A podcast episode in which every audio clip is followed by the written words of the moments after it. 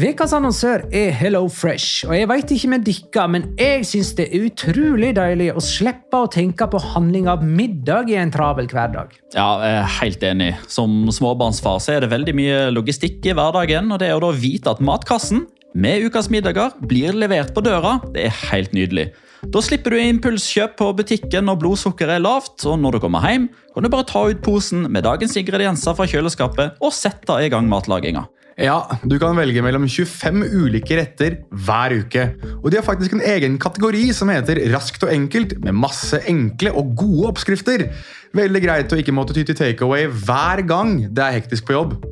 Jeg gleder meg spesielt til sterk chilikylling i min neste kasse. Jeg blir sulten bare av å tenke på det. Ja, Det er ikke feil med bacon og cheeseburger heller, da.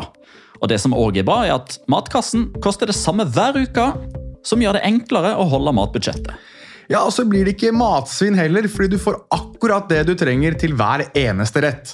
Hello Fresh kan absolutt anbefales, og bruker du koden vår, LIGALOCA, kan du få opptil 1779 kroner i rabatt på de fem første matkastene hvis du ikke har prøvd Hello Fresh tidligere. Du kan også prøve koden hvis du har avslutta abonnementet ditt for tolv måneder siden eller mer. Gå inn på hellofresh.no og bruk koden LIGALOCA. Bon appétit!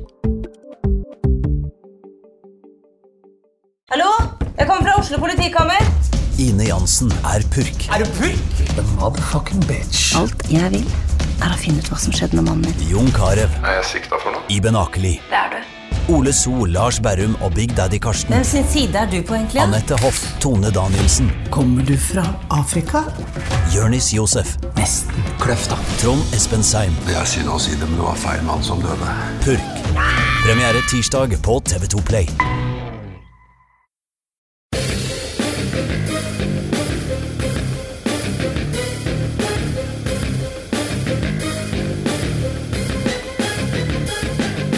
Har du sett? Det finnes ikke rasisme i spansk fotball, sier Juan Cala, som er anklaga for rasisme av Mukhtar Diakabi. Men det finnes i alle fall en cupvinner i spansk fotball, og de heter Real Sociedad. En annen ting som finnes i spansk fotball, er en helt åpen tittelkamp mellom Atletico, Barcelona og Real Madrid rett før El Clásico.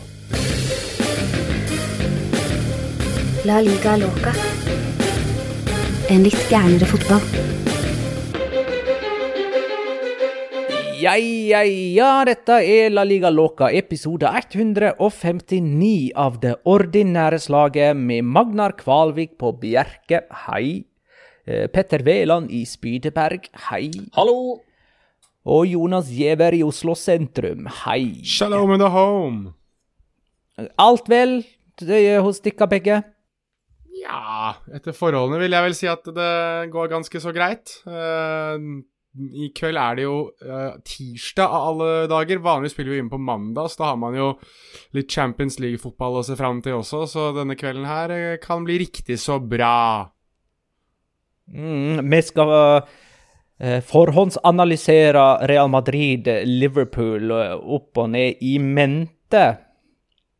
Eller nei, kanskje ikke da, siden uh, podkasten blir spilt inn før kampen og publisert enten under eller rett etter kampen. Den får vi heller uh, se på. Men uh, kult at Champions League er tilbake. Ei skjebneveke, dette her for uh, Real Madrid, sånn som det ser ut. Skal vi bare gå i gang, eller? Vi har ganske mye å snakke om, som introen egentlig impliserte. Vi går i gang. Runde 29, kamp for kamp. Levante Oesca 0-2. Eh, fire mål på de siste fire kampene for Rafa Mir, som skåra begge her. Uesca har tre seire på eh, de siste ni seriekampene. De vinner med andre ord hver tredje kamp i snitt. Og holder de oppe det snittet, så berger de plassen, for så hyppig vinner ikke laget rundt dem. Uesca er på 18.-plass nå, to poeng fra trygg grunn, rett bak Elche.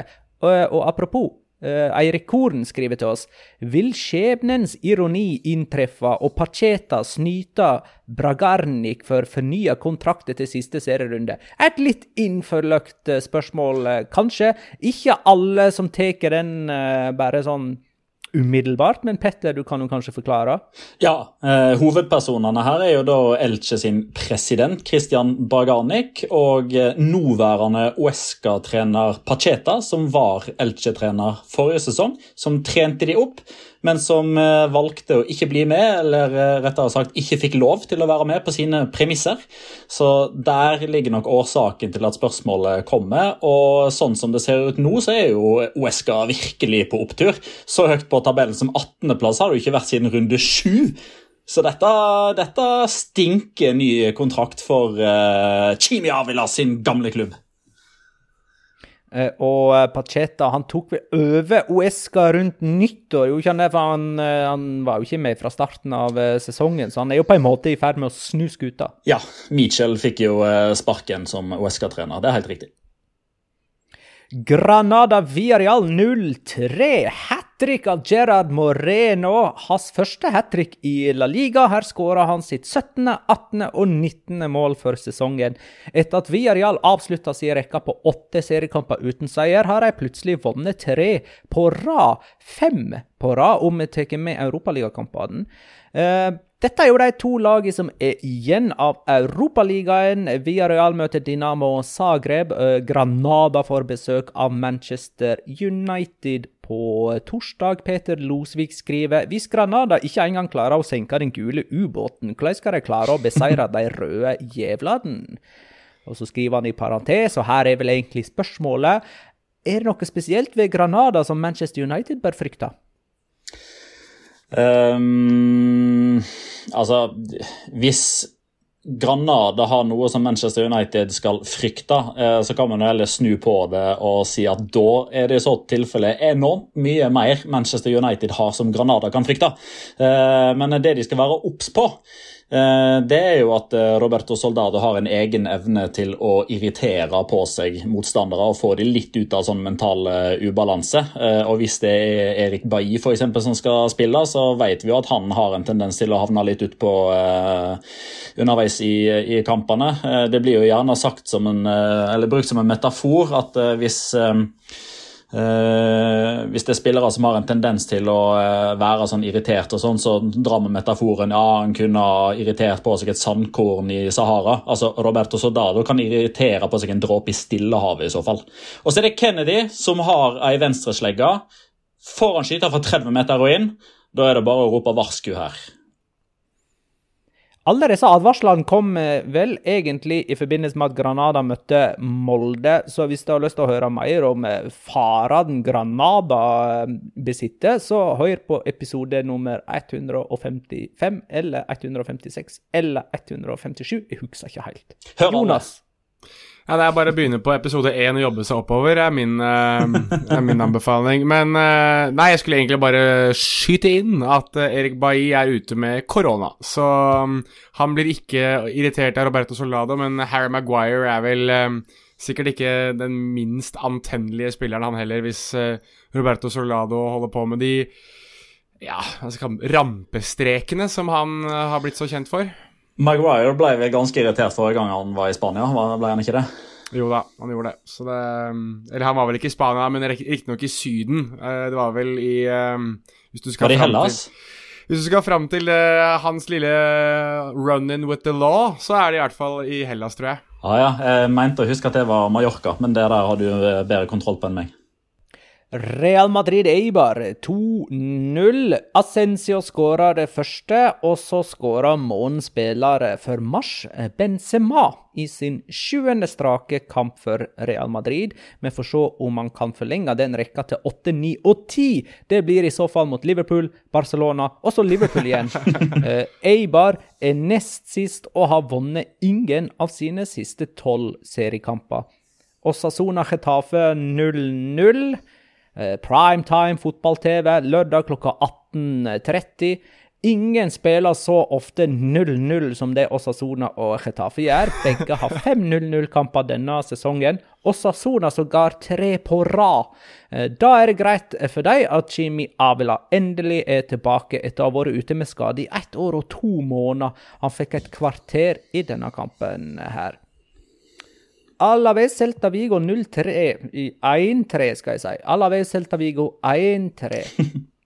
Eh, Nolito, Santimina og Iago Aspas skåra for Celta Vigo. Sistnevnte skåra sitt første mål i 2021 og hadde to målgivende i tillegg.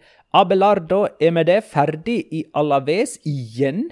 Eh, De bytter dermed trener for andre gang denne sesongen, og nå får Havi Calleja ansvaret med å berge jumboplasserte Alaves fra nedrykk. Calleja var mannen som eh, leda Villarreal til femteplass forrige sesong, ti poeng bak eh, topp fire. Det var ikke godt nok for de som nå ligger på en langt sterkere sjetteplass, tolv poeng bak topp fire. Jonas, du hadde noe du skulle si? Ja, eh, du tok det litt her nå, dette med at Abelardo har fått, eh, fått sparken eller har gitt seg, eller alt ettersom hvordan du ønsker at ordlyden der skal være. Det, det måtte jo bli litt sånn, med tanke på at de var vel det laget som ble dårligere med trenerbyttet. Eh, men jeg eh, tenker jo litt det at Abelardo sin første epoke i Alaves er litt sånn som Coming to America 1, den der veldig kjente filmen med Eddie Murphy og eh, Åh, jeg husker ikke hva andre heter for noe, uansett. Uh, Ener er vanvittig bra, og så har det kommet en oppfølger nå som er helt bånn i bøtta. Og den, uh, Det er litt sånn som jeg tenker at uh, Abelardo sin tid i, i Alaves har vært. Men, men hvis du ser de første 20 minuttene der mellom Celta og Alaves altså all, Det derre eh, følelsesregisteret som registreres ute på sidelinja de, hver gang kamera finner Abelardo, er noe av det morsomste jeg tror jeg har sett. Jeg har aldri sett en trener bli så oppgitt over et lag som det Abelardo var i løpet av de 20 minuttene. Og jeg tror det var fra sånn 73 minutter og ut, hver gang eh, kamera fanget Abelardo, så bare satt han der med armene i kors og bare så sur ut. Han visste at det, det her Det her! Det her gidder jeg ikke være med på noe mer, ass.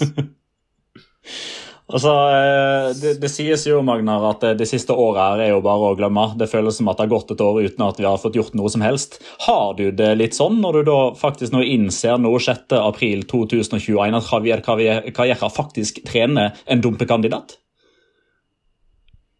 Uh, ja Det er der han hører hjemme. Det var der han trodde han var med Villarreal. Og så overrasker han jo alle med å føre dem helt opp på en eh, femteplass.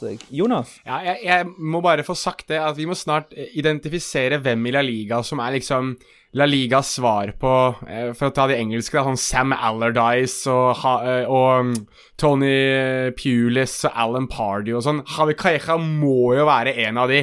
Sånn som er sånn Når noen sparker en trener, så Ja, hvem er det som er tilgjengelig? Nei, bare, bare tar han, for han har erfaring. Han skal, ikke, han skal ikke høyere opp enn over åttendeplass liksom, på et lag han tar over, men, men han, han, bare hent han inn, for han har erfaring. Det er masse sånne i England. Er det Abelardo du tenker på nå, eller? Abelardo er én sånn, han òg. Eh, Havi er litt sånn. Og så har du Fran Escriba, som er litt sånn. De, de får bare jobber på bakgrunn av det at de har hatt erfaring.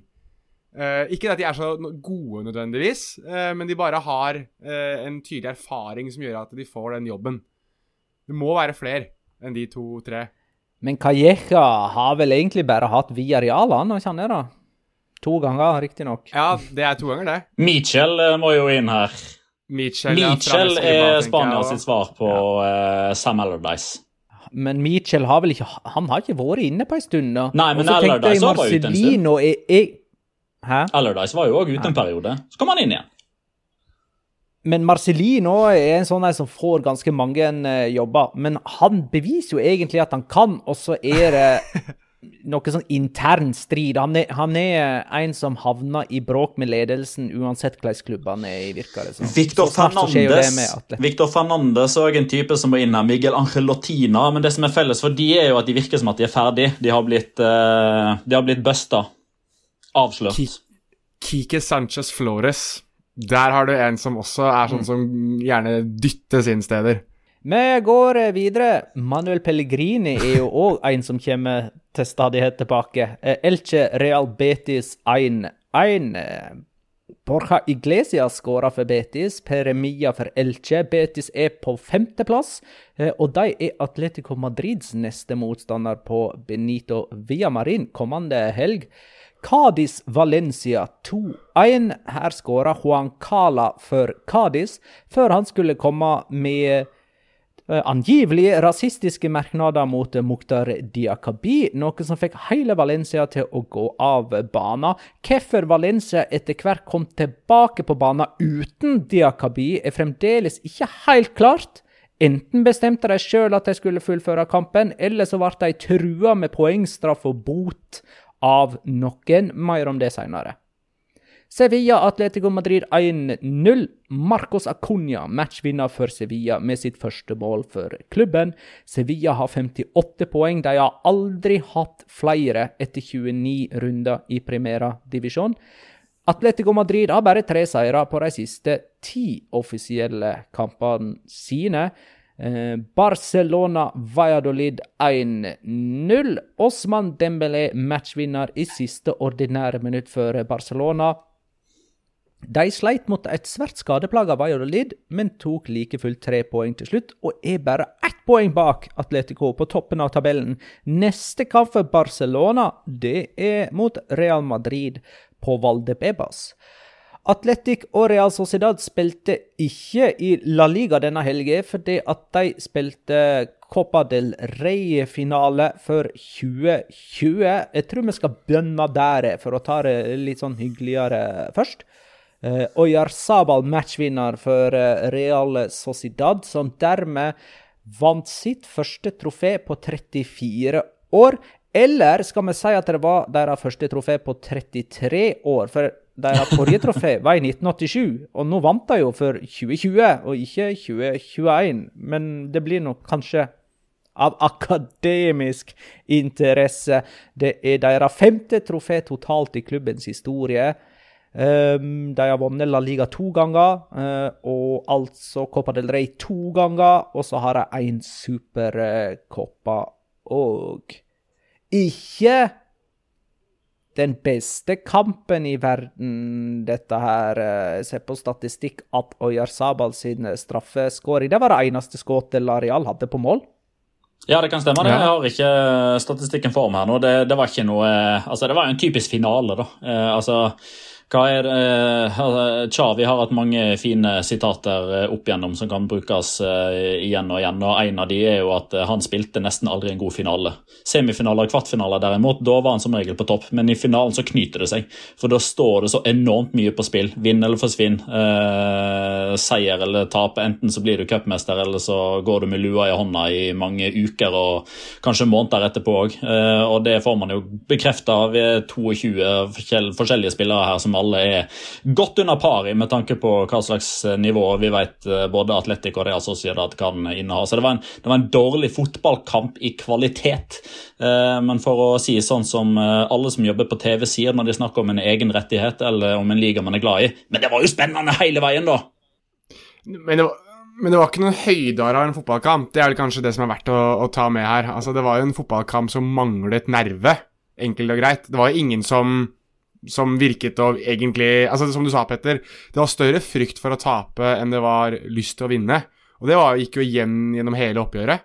Og det er kanskje um, En av grunnene til det er kanskje at begge disse klubbene har enormt mange egenproduserte spillere som har vært fans av uh, klubbene de representerer nå i hele sine liv. Uh, og det er veldig sjelden at disse to klubbene, som jo er store, egentlig, det er veldig sjelden de vinner store trofé. Dette var Atletic sitt eh, femte strake tap i en Copa del Rey-finale. De tapte i 1985, de tapte i 2009, de tapte i 2012 og i 2015 og, og i 2020, da, for å si det sånn. Og så eh, har de jo en ny en om halvannen uke mot eh, Barcelona.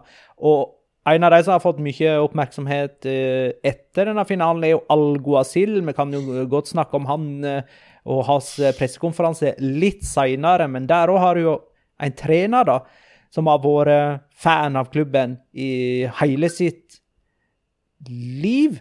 Og han er bare den tredje treneren. Tenk på det! Han er bare den tredje treneren som løfter et trofé med med den klubben han har vært fan av hele sitt liv.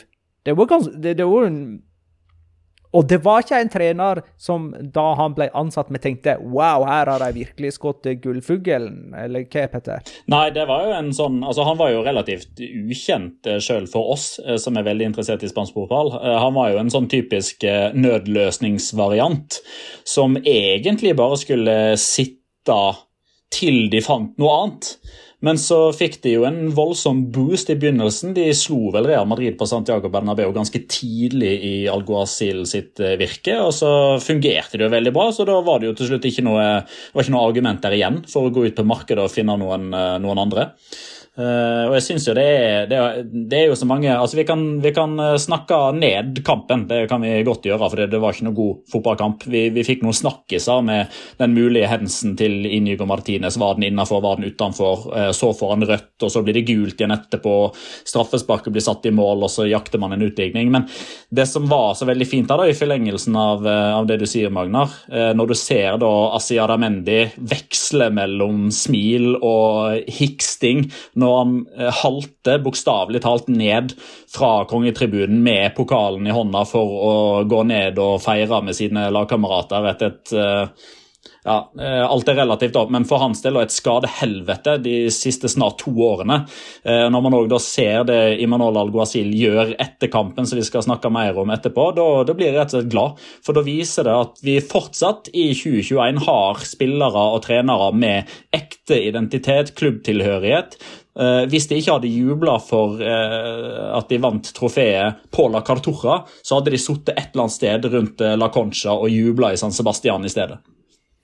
Jeg vil bare også få, få lagt ved det at det, noe som var ekstremt forfriskende å høre, var Oscar de Marcos i postmatch-intervjuet, som ble stilt spørsmålet rundt uh, straffesituasjonen. Og da var han helt ærlig og sa jepp, det så ut som det var straffespark. Det ser ut som det var riktig. Så det var liksom ikke noe sånn komme seg rundt og prøve å sånn Nei, vi må kanskje se det på reprise. Det bare sånn Nei, vet du hva. Det er greit. Det var straffespark. Vi får ikke gjort noe med det. det sånn skjer i kampens hete, liksom. Det var det, det satt meg Da ble jeg litt sånn satt ut da han bare ikke prøvde å legge noe ved, ikke prøvde å, å skubbe det unna eller liksom redde Inigo Martinez eller noe som helst. Det var bare Nei, det er straffespark. Vi får ikke gjort noe mer. Skal vi gi Atletic en eh, sjanse i den neste Copa del Rey-finalen, eller mot Barcelona. Og Det blir neste helg, sånn at de to siste Copa del Rey-trofeene og de to finalene som da blir spilt med bare to ukers mellomrom, eh, går begge til de store baskiske klubbene. Så tar de én hver og kan være evige brødre og leve harmonisk og trives sammen, sånn som de egentlig alltid har gjort. Jonas? Ja, jo jo, men det er jo Marcelino vinner jo ikke Han vinner jo ikke trofeer hvis ikke han slår Barcelona i finalene. Så det, det er åpenbart det at uh, Marcelino har spart seg opp til å møte Barcelona igjen, han. Ja.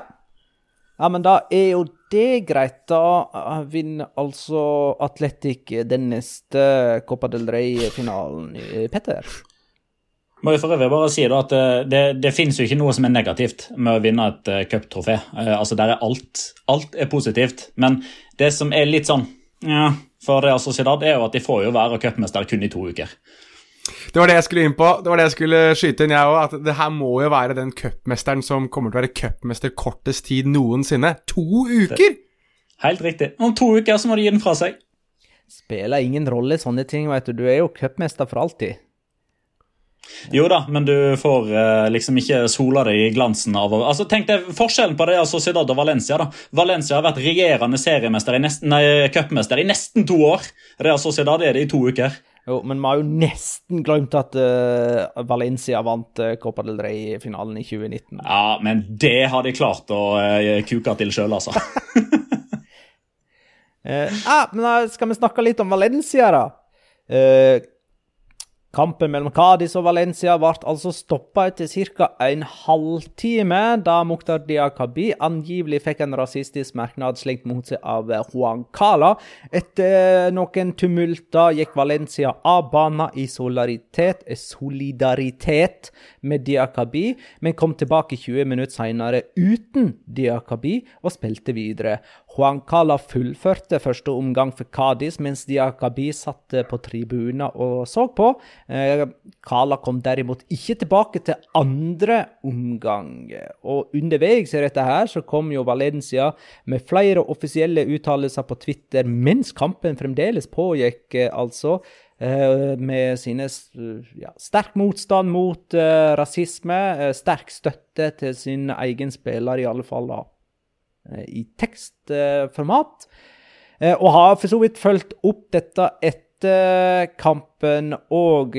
Og så har det kommet uttalelser fra jeg hadde nær sagt alle hold i dag, tirsdag 6.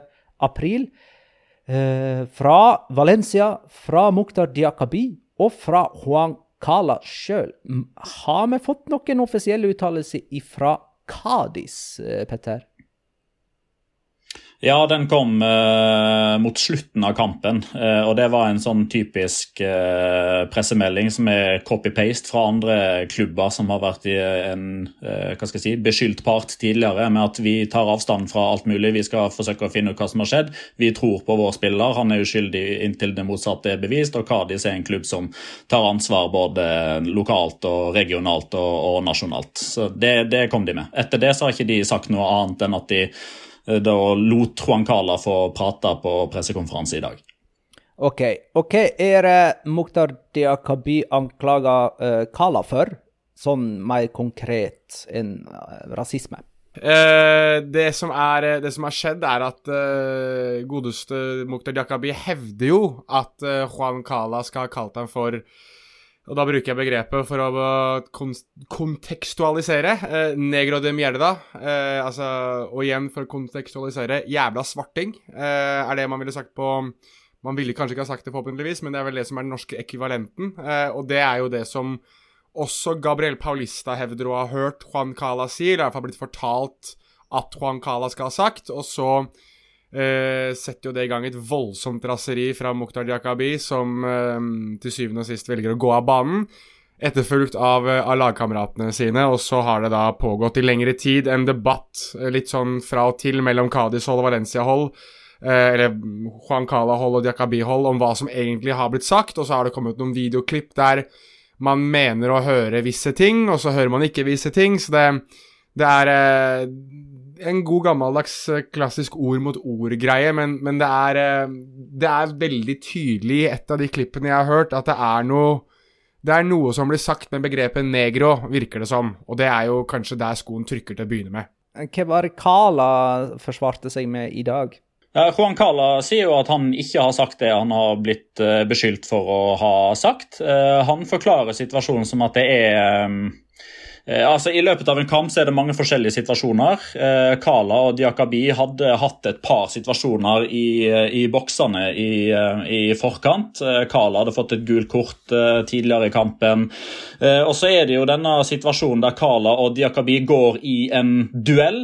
Det ender med at Valencia vinner ballen, og det blir satt i gang. Så Kala løper tilbake igjen til sine egne forsvarskollegaer for å forsvare målet.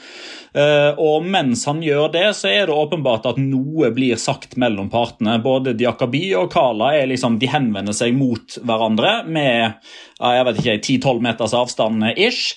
Eh, og Så kommer Juan Carla med en håndbevegelse. Eh, og Det han sier på dagens pressekonferanse, er at når han har den håndgesten, så sier han 'déjame en pass', som betyr typ 'la meg være i fred'. Um, og etter dette så løper jo Diakaby Eh, til Kala for å konfrontere han med det han da mener har blitt sagt. For å Ja, eh, vil jo være en naturlig reaksjon hos alle hvis man føler at man har blitt insultert. Um, og så blir det jo håndgemeng. Og Juan Cala fortsetter jo å Altså, han benekter jo kategorisk uh, har sagt noe rasistisk. Han uh, benekter kategorisk at han er en rasist.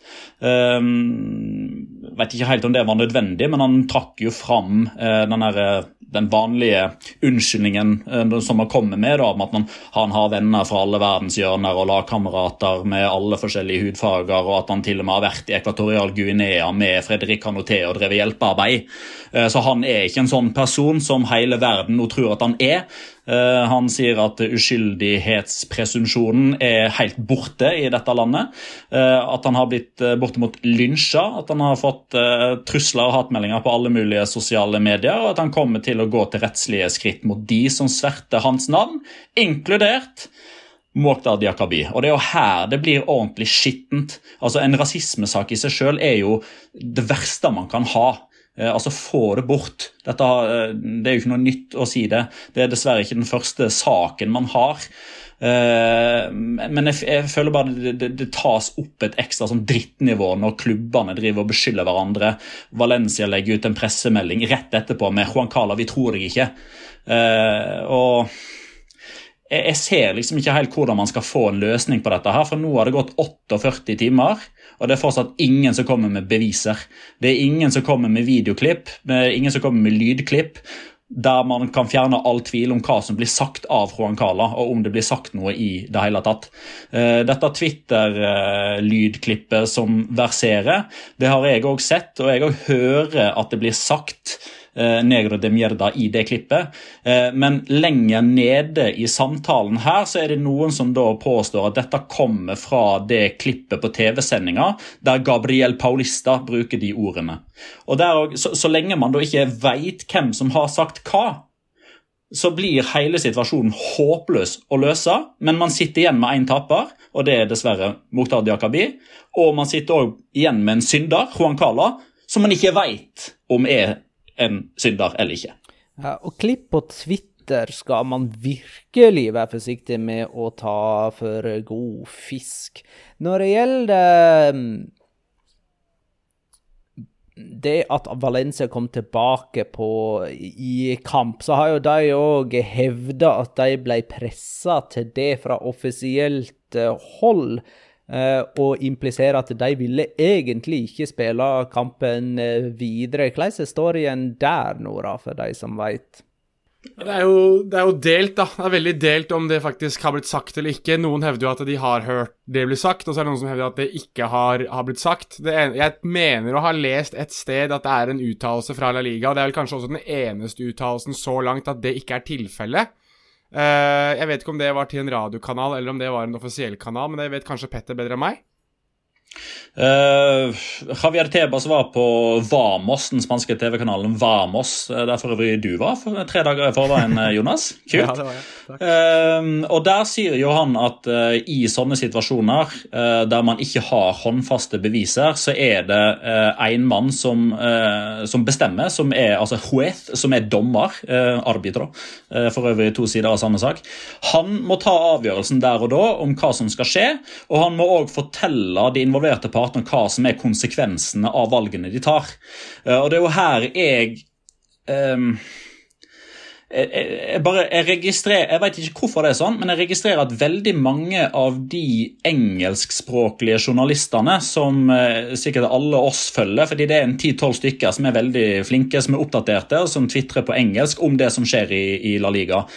Alle de skriver at Valencia har blitt pusha ut igjen på banen. Typ, eh, altså, du, du, får nærmest en forestilling om at dommeren nærmest har, har dytta de opp garderobetrappa og sagt at vi trekker dere poeng hvis dere ikke spiller videre. Det vi, det vi må få klarhet i her for å kunne uttale oss og mene ting på ordentlig grunnlag, er jo om har dommeren sagt hvis dere ikke går ut på banen igjen nå, så trekker vi dere tre poeng, kanskje flere. Eller har han forklart stille og rolig dere velger sjøl hva dere gjør, men hvis jeg ikke har beviser for at det og det og det har blitt sagt, det er ord mot ord, jeg kan ikke stå her og si at jeg tror på han eller jeg tror på han. Hvis vi stopper kampen nå, og den ikke blir ferdigspilt, så står det i regelverket at det laget som velger å ikke fullføre kampen, blir trukket tre poeng eller mer. Så det er konsekvensen dere eventuelt må ta hvis dere velger å gjøre det. Det er to vidt forskjellige ting. Ja, jeg er enig, enig med deg i det, Petter. Um den tanken jeg sitter igjen med, jeg, da, selv om det er det rent faktuelle, og jeg er helt enig med at det er det man må forholde seg til, men for meg så blir det en litt større sak i det at Valencia velger å gå av banen. Altså De velger å, å si OK, vi står med Mukhtar Jakabi, vi går av banen. Vi velger å ikke fullføre nå. Og, og, vi går i garderoben med ham fordi han velger å gå av banen på bakgrunn av at han har følt seg rasistisk utsatt av en motspiller. Um, det sender, og jeg, jeg lurer på Roberto Palomar som skrev noe om det i Marca òg, det sender et helt feil signal og så velge å gå tilbake igjen på banen uten Mukhtar Jakabi. Og at man da i tillegg får disse bildene av at han sitter alene på tribunen og ser på mens lagkameratene spiller videre. Nå er det selvfølgelig eh, veldig enkelt for en TV-kanal eller for et kamerateam å plukke han opp og gjøre det til en langt større greie enn det kanskje nødvendigvis er. Men samtidig, her hadde man en ypperlig mulighet til å ta eh, et standpunkt og si at, du, at dette her er større enn tre poeng, dette her er større enn seks poeng, dette er større enn enn noe annet. Her må vi faktisk vise litt solidaritet med en av våre lagkamerater som har følt seg rasistisk utsatt. Og det, og det følte jeg virkelig at Valencia dreit seg ut på. Altså, jeg syns de burde ha Ehm, om ikke enn gått av banen, så ville jeg i hvert fall så ville jeg i hvert fall gjort det tydelig for dem. Altså, de hadde gjort det tydelig til dommer eller tydelig på banen eller et eller annet, men vi kommer ikke til å spille så lenge Juan Cala er utpå her òg, så spiller vi ikke videre. Hvis Juan Cala går av og Diakabi går av, så kommer vi til å spille videre. Hvis ikke, så spiller vi ikke. Enkelt og greit, vi vil ikke ha de to utpå her da. Ikke ikke, altså, han ene kan ikke bli værende mens han andre går av. Uh, ettersom at de selv mener og har hørt det, Enten det er Gabriel Paulista eller Diakabi som har sagt det, så er det noen som mener å ha hørt det, og det er noen som bevitner det videre til dommer, at det er noe som har blitt sagt. Og da må man ta et uh, tydeligere og hardere standpunkt enn det Valencia valgte å gjøre etter de 20 minuttene. Og det, det, tror jeg er noe av det jeg satt igjen med det Palomar skrev i sin uh, kronikk, som jeg syns var veldig bra.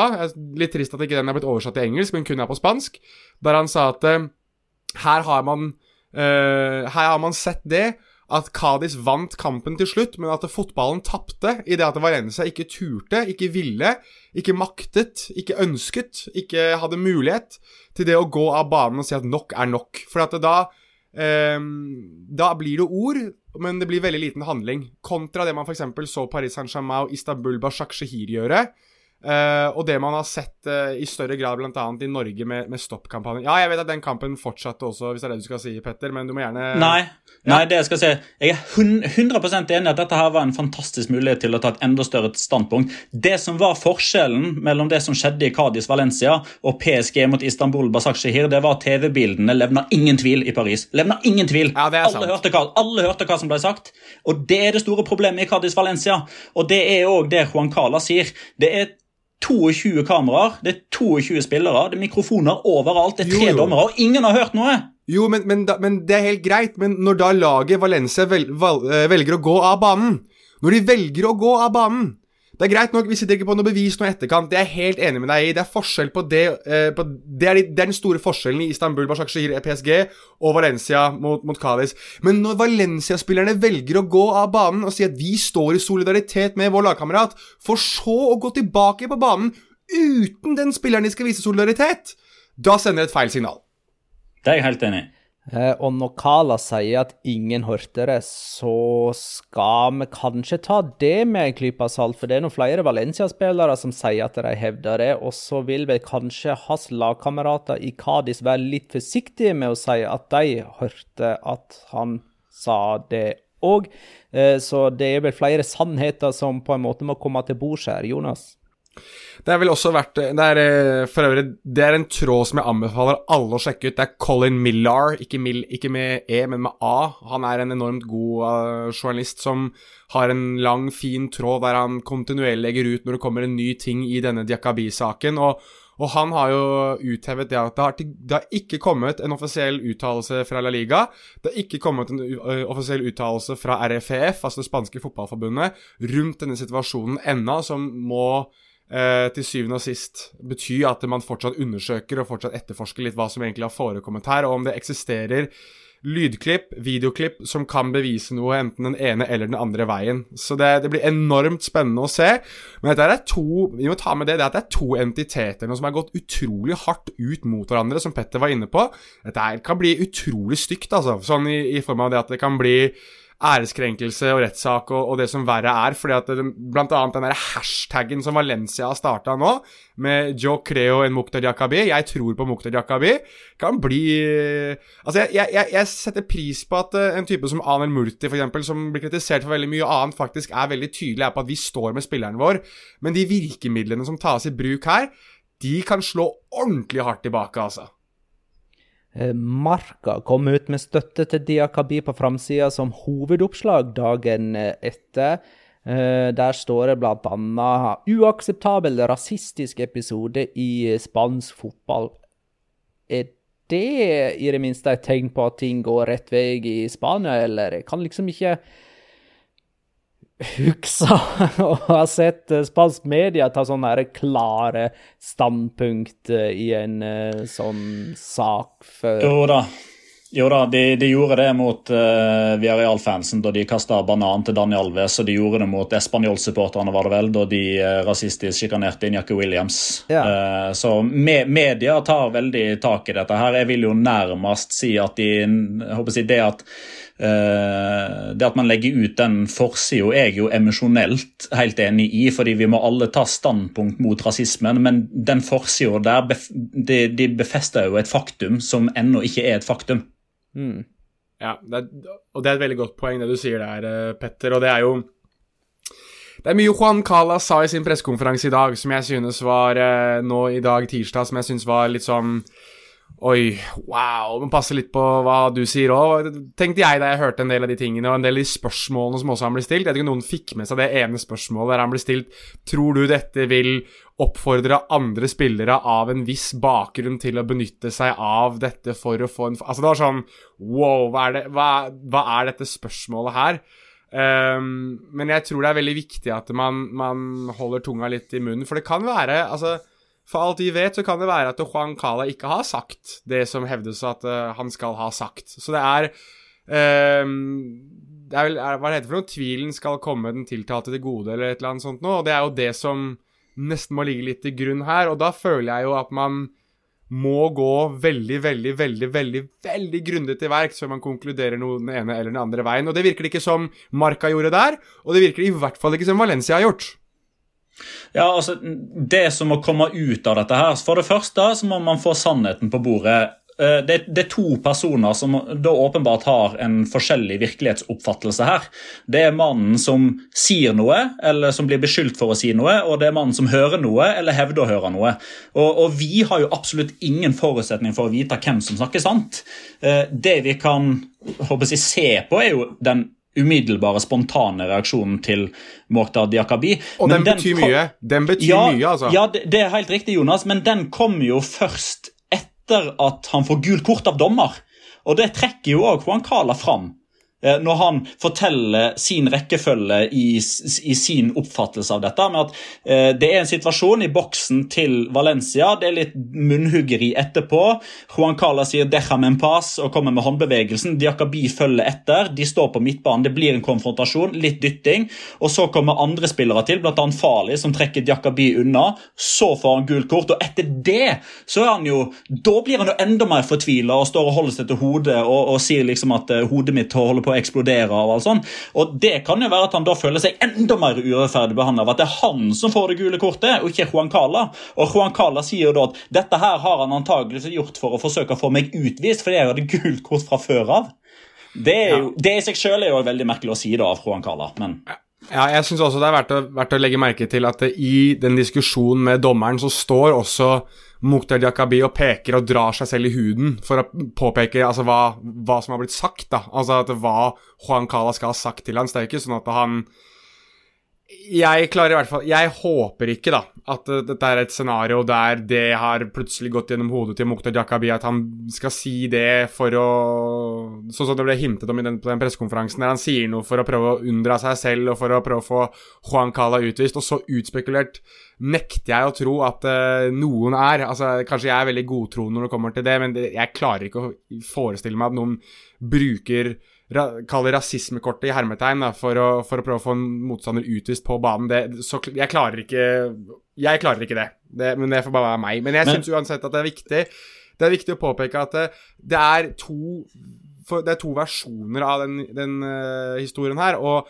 begge mener hardnakket på begge deler. Og det, det er veldig det er interessant også å, å, å følge hvordan denne, denne, situasjonen her utvikler seg. For det er, ikke, det, er ikke, bare det at du har to som på en måte når et kompromiss, eller som har en historie som ligner litt på hverandres, og som da til syvende og sist kanskje det er litt av den og litt av den andre. Nei, dette er to vidt forskjellige historier. Og det, og det får meg til å tenke at en av de, en av de lyver. Altså, en av de sitter, eh, står og lyver ganske oppriktig til, eh, til verden, da. Og jeg skal ikke ta noe parti her, men jeg, jeg har, igjen, jeg sliter, og det er igjen kun meg, har litt med min oppvekst å gjøre, og sikkert hvor jeg kommer fra og sånn, men jeg har vanskeligheter med å forestille meg at noen lyver om rasisme. Virkelig. Men det er, men det er noe meg, da. Så, så, får man, så skal ikke ja. jeg lynsje Juan Cala mer enn det han selv mener han har blitt i spansk media allerede. Ja, absolutt. Men det, det, viktigste som kommer ut av dette, her, eh, det er jo at man får en form for protokoll som gjør at hvis vi, eh, mot formodning, og heldigvis ikke, men, hvis det kommer en ny situasjon eh, om ei uke eller to måneder eller to år, forhåpentligvis aldri, men hvis man igjen kommer i en sånn situasjon der det blir ord mot ord, og dommer bestemmer og forteller hva som er konsekvensen, da må man ha en klokkeklar protokoll som alle de involverte er klar over på forhånd. Eh, det må inn eh, i regelverket på samme måte som at eh, hvis det skjer, så er det corner. Hvis det skjer, så er det kast. Hvis det skjer, så kan VAR ta det. Hvis det skjer, så blir kampen starta igjen. Hvis det er oversvømmelse, så kan vi bruke en time på å rydde banen. Hvis ikke, så tar vi det dagen etterpå. Det må òg inn klart i regelverket. Hva gjør vi hvis vi igjen havner i en situasjon der man har to så vidt forskjellige forklaringer? Hva blir, hva blir veien videre? Jeg skal, jeg skal, kun stille spørsmål til dere begge to, og så skal ikke jeg si så veldig mye mer om dette. Men, men, i dagens fotball, der det ikke er en kjeft på tribunen, er det ikke litt rart, da, at det ikke er blitt plukket opp noe som helst sånn veldig tydelig lyd, med tanke på hvor mye kameraer og hvor mye mikrofoner det er rundt omkring? En tydeligere diskusjon enn det som Altså, vi, hører, vi har jo hørt disse klippene som har gått gjennom på sosiale medier, men det, det er ikke noe tydeligere enn det. Og i disse dager hvor vi vet at spansk media elsker å ha leppelesere, elsker å, å liksom utheve det i programmene sine. Er det ikke litt rart at det ikke har dukket opp? Jeg syns det, det, er veldig rart at det ikke fins eh, lydklipp som plukker opp egentlig det aller meste. Det eneste lydklippet vi har tilgjengelig, det er jo Gabriel Paulista, men han er ikke en, han er ikke en part i dette. Det, man får ikke med seg alt som de satt på banen sjøl uten uh, publikum heller. Så jeg er ikke så overraska over akkurat Eh, det jeg er spent på hvilke eh, uttalelser vi får fra andre spillere i kjølvannet av dette, hvis det kommer noe. Eh, og Kala sa på pressekonferanse i dag i sitt forsvar at det finnes jo ikke rasisme i spansk fotball generelt, så han trekker jo de store konklusjonene her da. Vi får bare se hvordan dette utvikler seg. Vi får snakke litt fotball nå. da. Ta Sevilla Atletico Madrid, eh, f.eks. Det endte med 1-0-seier til Sevilla. Det er deres første storskalp. Eh. Ja, Det er i alle fall første gang de har sleget en av de eh, tre største i Spania under Lopetegi sin ledelse. jeg tenkte Ja, vi kan ta denne fra Daniel Cobolone, eller Cobalone. Atletico taper nok en gang. Hva er det som har skjedd uh, i det siste som ikke funka for dem? Oblak har holdt dem i kampen to uker på rad. Han redda jo straffe her òg.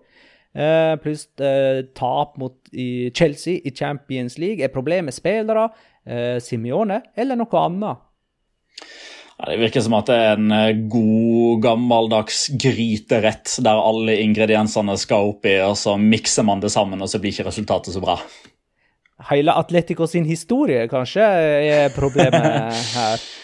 Must... Ja, nei, men altså, altså Hva er problemet? Altså, problemet de, jeg, jeg syns det er vanskelig. Eh, altså, Kanskje er det det ekte Atletico Madrid vi ser nå. da, At eh, den overpresteringa før jul og etter jul og de månedene der, det, kanskje er det som er eh, det som viker fra det som egentlig er nivået til Atletico Madrid. Da. Vi snakka jo om det ganske jevnlig sånn med expected goals, så overpresterte både Jan Oblak og Luis Suárez eh, noe inn i granskauen og hadde mye bedre tall enn hva eh, eh, de underliggende faktorene tilsa. Um, jeg ser Alexander Larsen har ikke, han, han, sier at det ikke er nødvendigvis en unnskyldning. Kanskje er det heller ikke en forklaring, men det kan ha en medvirkning. Og Det er jo det faktum at Atletico Madrid nå har 14 spillere i troppen som har vært gjennom eh, covid-19-sykdommen. Eh, der man jo ser eh, både forskning, men òg eh, både enkeltpersoner i daglig liv, men òg toppidrettsutøvere som snakker om at de har rett og slett lavere lungekapasitet eh, nå enn hva de hadde før sykdommen. Uh, dette her har ikke jeg noe formening eller kompetanse til å vite noe om. Men uh, Alexander Larsen er jo en oppegående fyr. Han er Atletico Madrid-supporter, og han, han, trekker det fram. Uh, men svaret er jo selvfølgelig ikke så enkelt. Det, Det må andre faktorer inn i bildet her. og ja, Joao Felix ute, Stefan Savic ute, Jannik Carasco ute.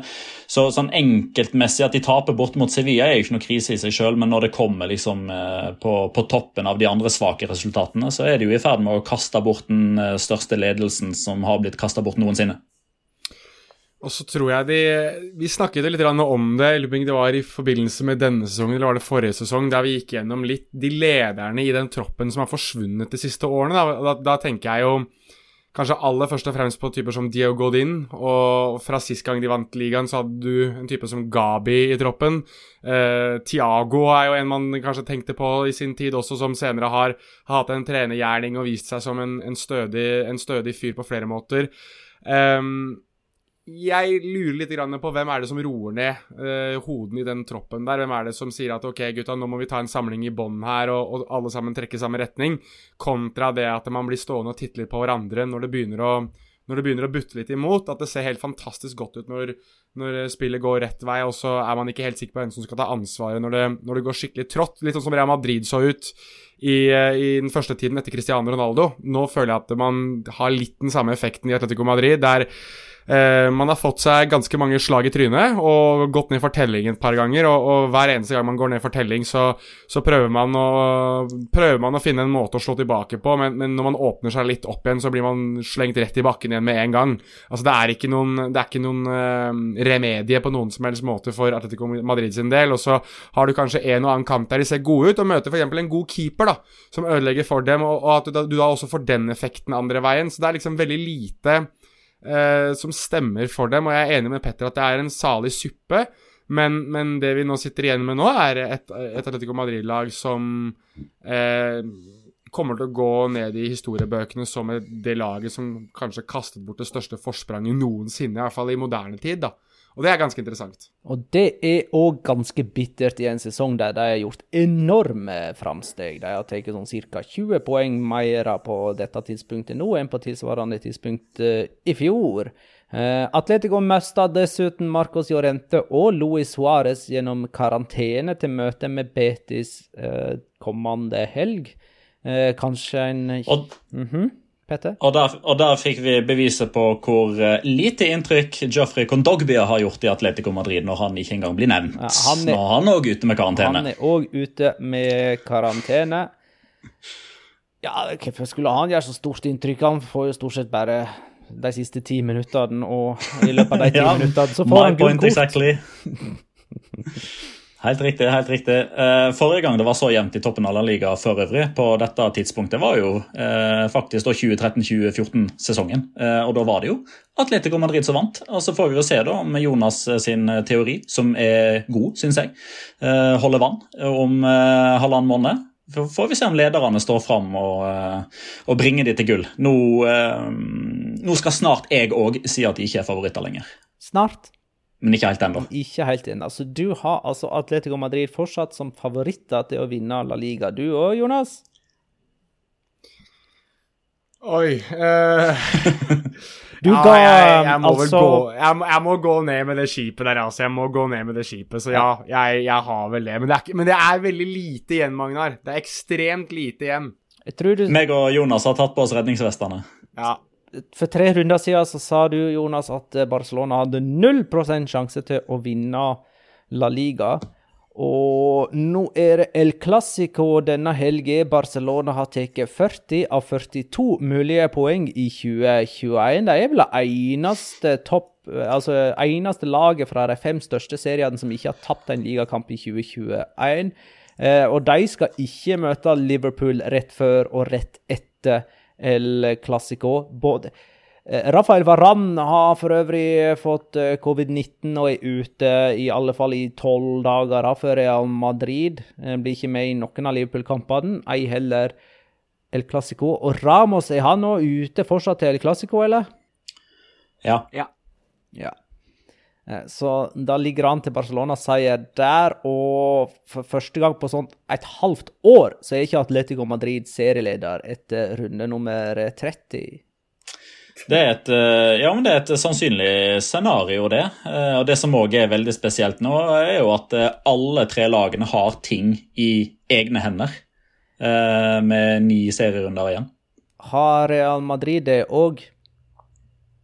Ja, for de har uh, Nei, nei, det er riktig. Real Madrid har ikke det, fordi de er avhengig av at, av at Atletico tar poeng. Hvis de vinner El Clásico på lørdag, derimot, da uh, har alle tre det i egne hender.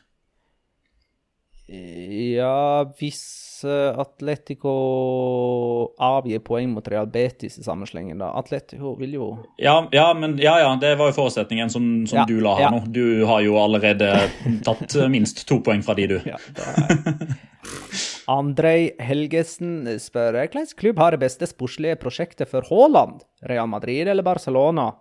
Oi. Eh, For eh, han har jo eh, hatt sin signingsferd, kan du si. da. Haaland i alle fall i form av sin far og Mino Raiola, som begge var ganske hadde nær sagt offisielt i både Barcelona og Madrid i påsken. Jonas? Ja, jeg får plutselig for meg at dette her har vært en ekstremt begivenhetsrik uke. For jeg hadde faktisk glemt det oppi alt dette her, at det, det har jo også skjedd. Um, men, eh, men ja, nei, hvilket, hvilken klubb er det som har det beste sportslige prosjektet? Det er, um, det er vanskelig å si, altså. Jeg synes det er en tydeligere rolle for eh, Haaland i Barcelona enn det er i Real Madrid. Den tid Barcelona mangler en nummer ni, mens eh, Real Madrid fortsatt har Big Game Karim, som fortsetter å være Big Game Karim. Og da er det vanskelig å dytte han ut, selv om han åpenbart blir eldre og eldre. Men jeg tror at spillestilen og eh, litt det som bygges i Real Madrid, passer Haaland litt bedre. Um, og kanskje også spillestilen til Real Madrid passer Haaland litt bedre. Nå ser jeg Petter er veldig gira på å si noe, så skal han få lov til det. Jeg skal stille deg et spørsmål. Eh, For eh, hva tenker du i en sånn i en hypotese da, da eh, om, om Erling Haaland skulle velge Real Madrid? Eh, Benzema i, i tieren bak. Høres ikke det egentlig veldig bra ut, med tanke på hvor flink han er i link-up-spillet? Han har akseptert tidligere og kommer nok til å akseptere igjen, og ikke være den som alltid skal skåre målene. Jo. Ja, det, det forutsetter jo at du gjør en formasjonsendring, da. At det blir en tydeligere 4-2-3-1, 4-2-1-2 Eller nei, 4-1-2-1-2. Ja, sånn blir det. At en diamant på midten. Altså, det forutsetter en, en stilendring, da, i, i Real Madrid på, på ett vis. Eh, Med mindre du skal spille en 4-4-2 da, med at han ene henger bak eh, Haaland. og Det har jo Norge forsøkt å gjøre med, med Sørloth og Haaland, og det har jo ikke fungert. Men det er kanskje fordi at de to er mer, lign, ligner mer på hverandre enn Benzema og Haaland ville ha gjort.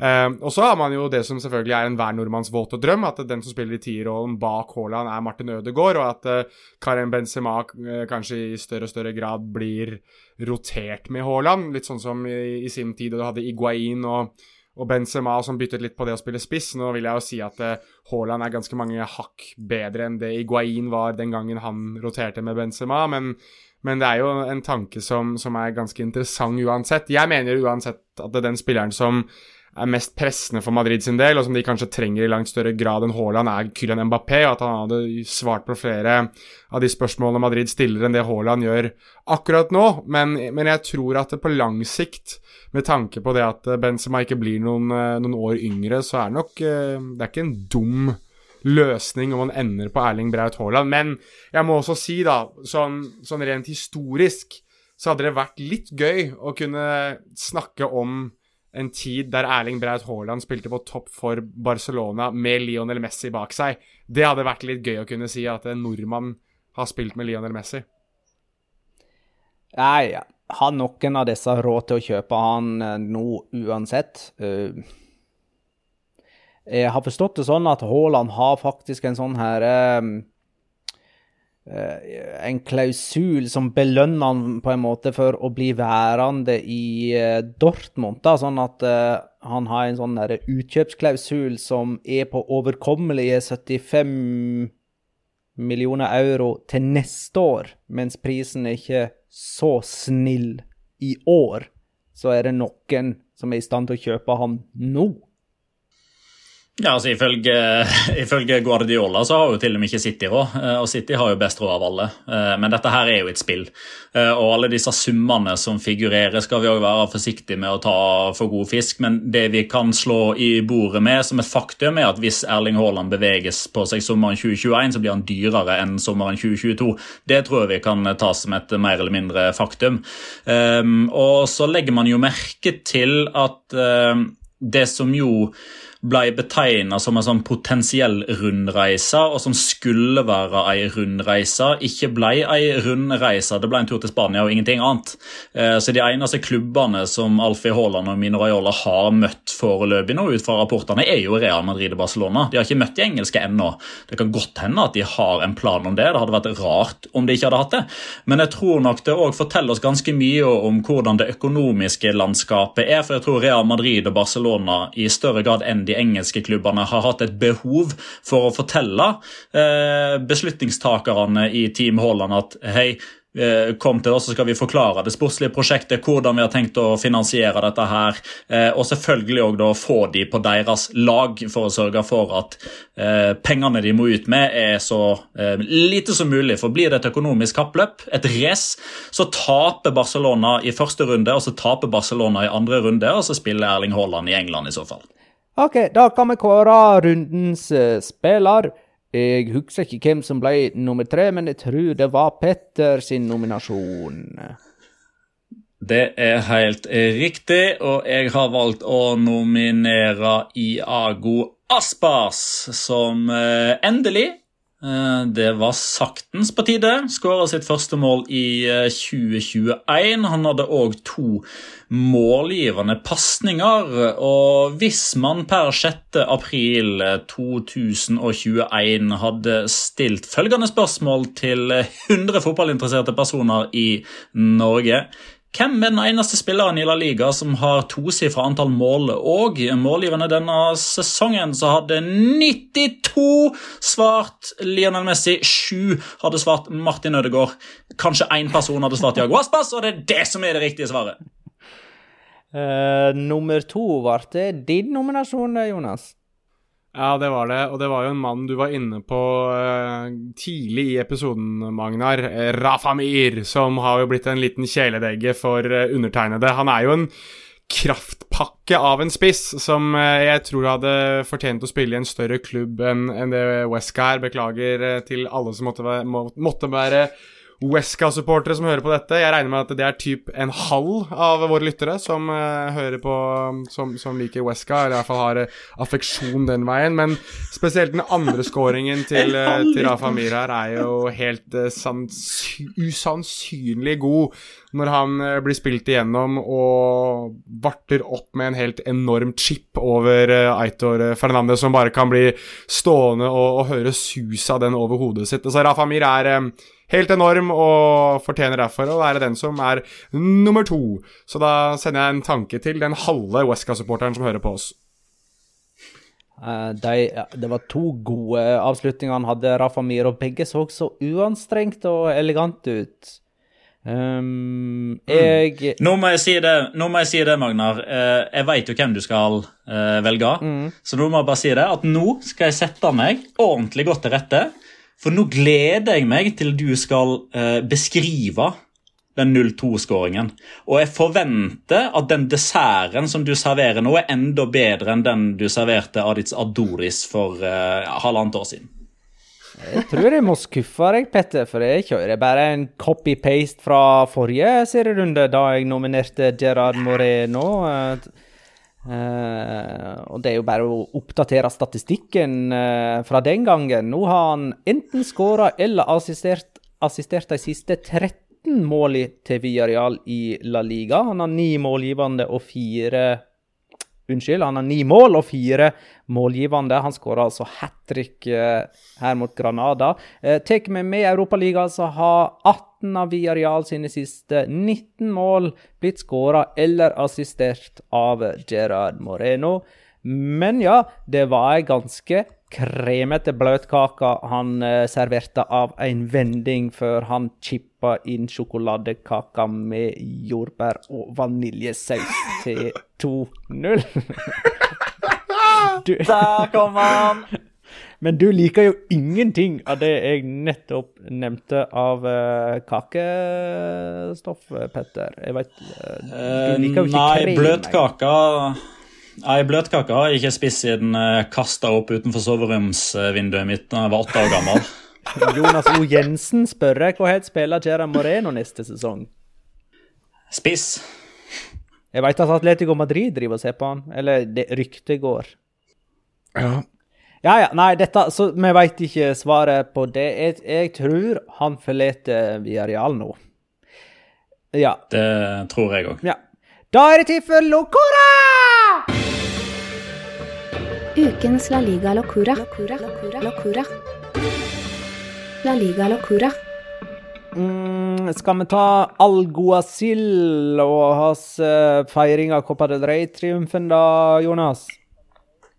Bare vent litt nå, nå skal jeg bare sette meg godt eh, til rette i stolen her nå for å eh, nyte at Jonas skal eh, imitere Imanol Algoasil. Nei, det skal jeg, det skal jeg nok ikke. Uh, en alene for at den, den fortjener folk egentlig å se originalen av, først og fremst. For den er, det er helt, helt, helt vanvittig. Um, når Alguacil bestemmer seg for at siden de ikke er supportere, så skal han være en av, en av dem. Når han får uh, blir overrekt en, en uh, La Real-drakt av vår, uh, vår gode venn Jonander Mondoate, som er pressesjef i Real Sociedad, og et, og et skjerf, og står og hyler og skriker ut uh, det gode, holdt på å si, det gode budskap som uh, La Real-supporterne er, er gode på å, å ytre i kamper. Jeg klarer ikke å si halvparten av det, for det er alt er på baskisk. Uh, men, uh, men uansett så det, var det interessant og litt sånn rørende å høre han uh, prøve å han, Altså, det hørtes ut som han, han Altså, som lyden kom ut av et sånt veldig trangt hull når han skulle liksom forklare Eller skulle hyle ut dette. Altså, han hørtes liksom ut som han sleit for å få pust, og det kan jo være det at han hadde hylt og skreket så mye på sidelinja, men det var liksom Det var nesten så det var det absolutt siste av uh, pust han hadde igjen i lungene sine, som skulle ut på siste stavelse der, hvor han liksom Helt på slutten av det siste der, og det er eh, jeg anbefaler alle som sagt å, å høre det, det klippet for seg selv. Det ligger på YouTube og det ligger på Twitter og, og det som verre er. Men uansett, enormt deilig å se en trener vise så mye følelse for en klubb som virkelig betyr mye for ham. Min locora går til ordføreren i Valladolid. Eh, Oscar Puente han gikk nemlig bananas på Twitter da Barcelona slo Valladolid med skåring i siste ordinære minutt. Han mente Valladolid skulle hatt straffe for hens, på Jordi Alba, og at Oscar Plano aldri skulle ha vært utvist. Og han ga uttrykk for at dommeren gjorde en bedre innsats for Barcelona-seier enn det Barcelona sjøl gjorde. Poente skrev at dommer heimelatere burde gå inn i Barcelona-garderoben og kjefte på dem fordi at de nesten ikke tok vare på sjansene han ga dem. Eh, Men det gjorde de jo til slutt, eh, da. Eh, Petter? Uh, ja, uh, bare sånn oppdatering på den der uh, litt sånn intrikate situasjonen i Alaves. For to episoder var det vel, så satt jeg jo her og, og sa ganske mye uten å nevne navn. Men nå har jo den tidligere Alaves-treneren eh, Abelardo Fernandes faktisk da name-droppa vedkommende, altså Lucas Perez, eh, som har eh, opptrådt respektløst overfor både han og spillertroppen. Det er derfor han ikke lenger får lov til å spille for Alaves. Åtte timer etterpå så var Abelardo Fernandes eh, sparka av den klubben som sendte ut pressemelding der de trua med rettslige steg mot de som eh, skrev om rykter som ikke var sanne i Alaves-garderoben. Og det første den nye Alaves-treneren Javier Calleja sa, nå skal vi få fram det beste i Lucas Perez igjen. Det er deilig for deg, Petter. Nå slipper du å bruke de der eh, tusenene på å ansette Jon Christian Elden, så nå er du faktisk free at last. Ja, free at ja, last. Jeg har, truk, jeg har trukket tilbake en friend requesten på Facebook nå. Det var faktisk jeg som insisterte på at navnet hans skulle nevnes, så det er først og fremst jeg som eh, kan puste letta ut. uh, jeg har for øvrig trukket tilbake en friend requesten til både Staff og Meling òg. vi får ta og tippe litt, da. Vi glemte å tippe til forrige runde, gjorde ikke vi? Det var ikke noe å tippe på. Det var jo Spania-kamper. Nei, uh, det, Det var var Sevilla Atletico Madrid for eksempel, eh, nå. Og en cupfinale. Greia var at eh, etter forrige helg så var det landskamper, så vi hadde ikke tippa da, og så glemte vi å tippe til kommende helg, mener jeg. Mm. Okay, Men nå skal okay. vi i alle fall tippe Real Madrid, Barcelona, lørdag klokka ni. Jeg sier 1-2 og Grismann som første målskårer. Petter? Eh, jeg sier eh, 2-2 eh, og Diego Simione. Nei da, jeg sier 2-2 og eh, Karim Big Game. Ja. Har han da òg skåra mot Liverpool, sånn at det blir hans niende kamp på rad med skåring? Nei. OK. Jonas, eh, jeg har skrevet 0-0 på deg. Ja, det blir jo det. Ja. det og det blir ingen målskårer. Så jeg trenger, ikke å, jeg trenger ikke å hyle i hver episode. Jeg skal passe på at folk slipper det annenhver gang. Men hvis, men hvis, men hvis det blir 0-0, så kan jeg garantere at det blir hyling i neste episode. Greit. Da er jeg tom for ord. Det er Petter og Jonas òg. Vi takker for eh, alle spørsmål og innspill vi har fått til denne episoden. Tusen takk for at du lytta, kjære lytter. Ha det, da.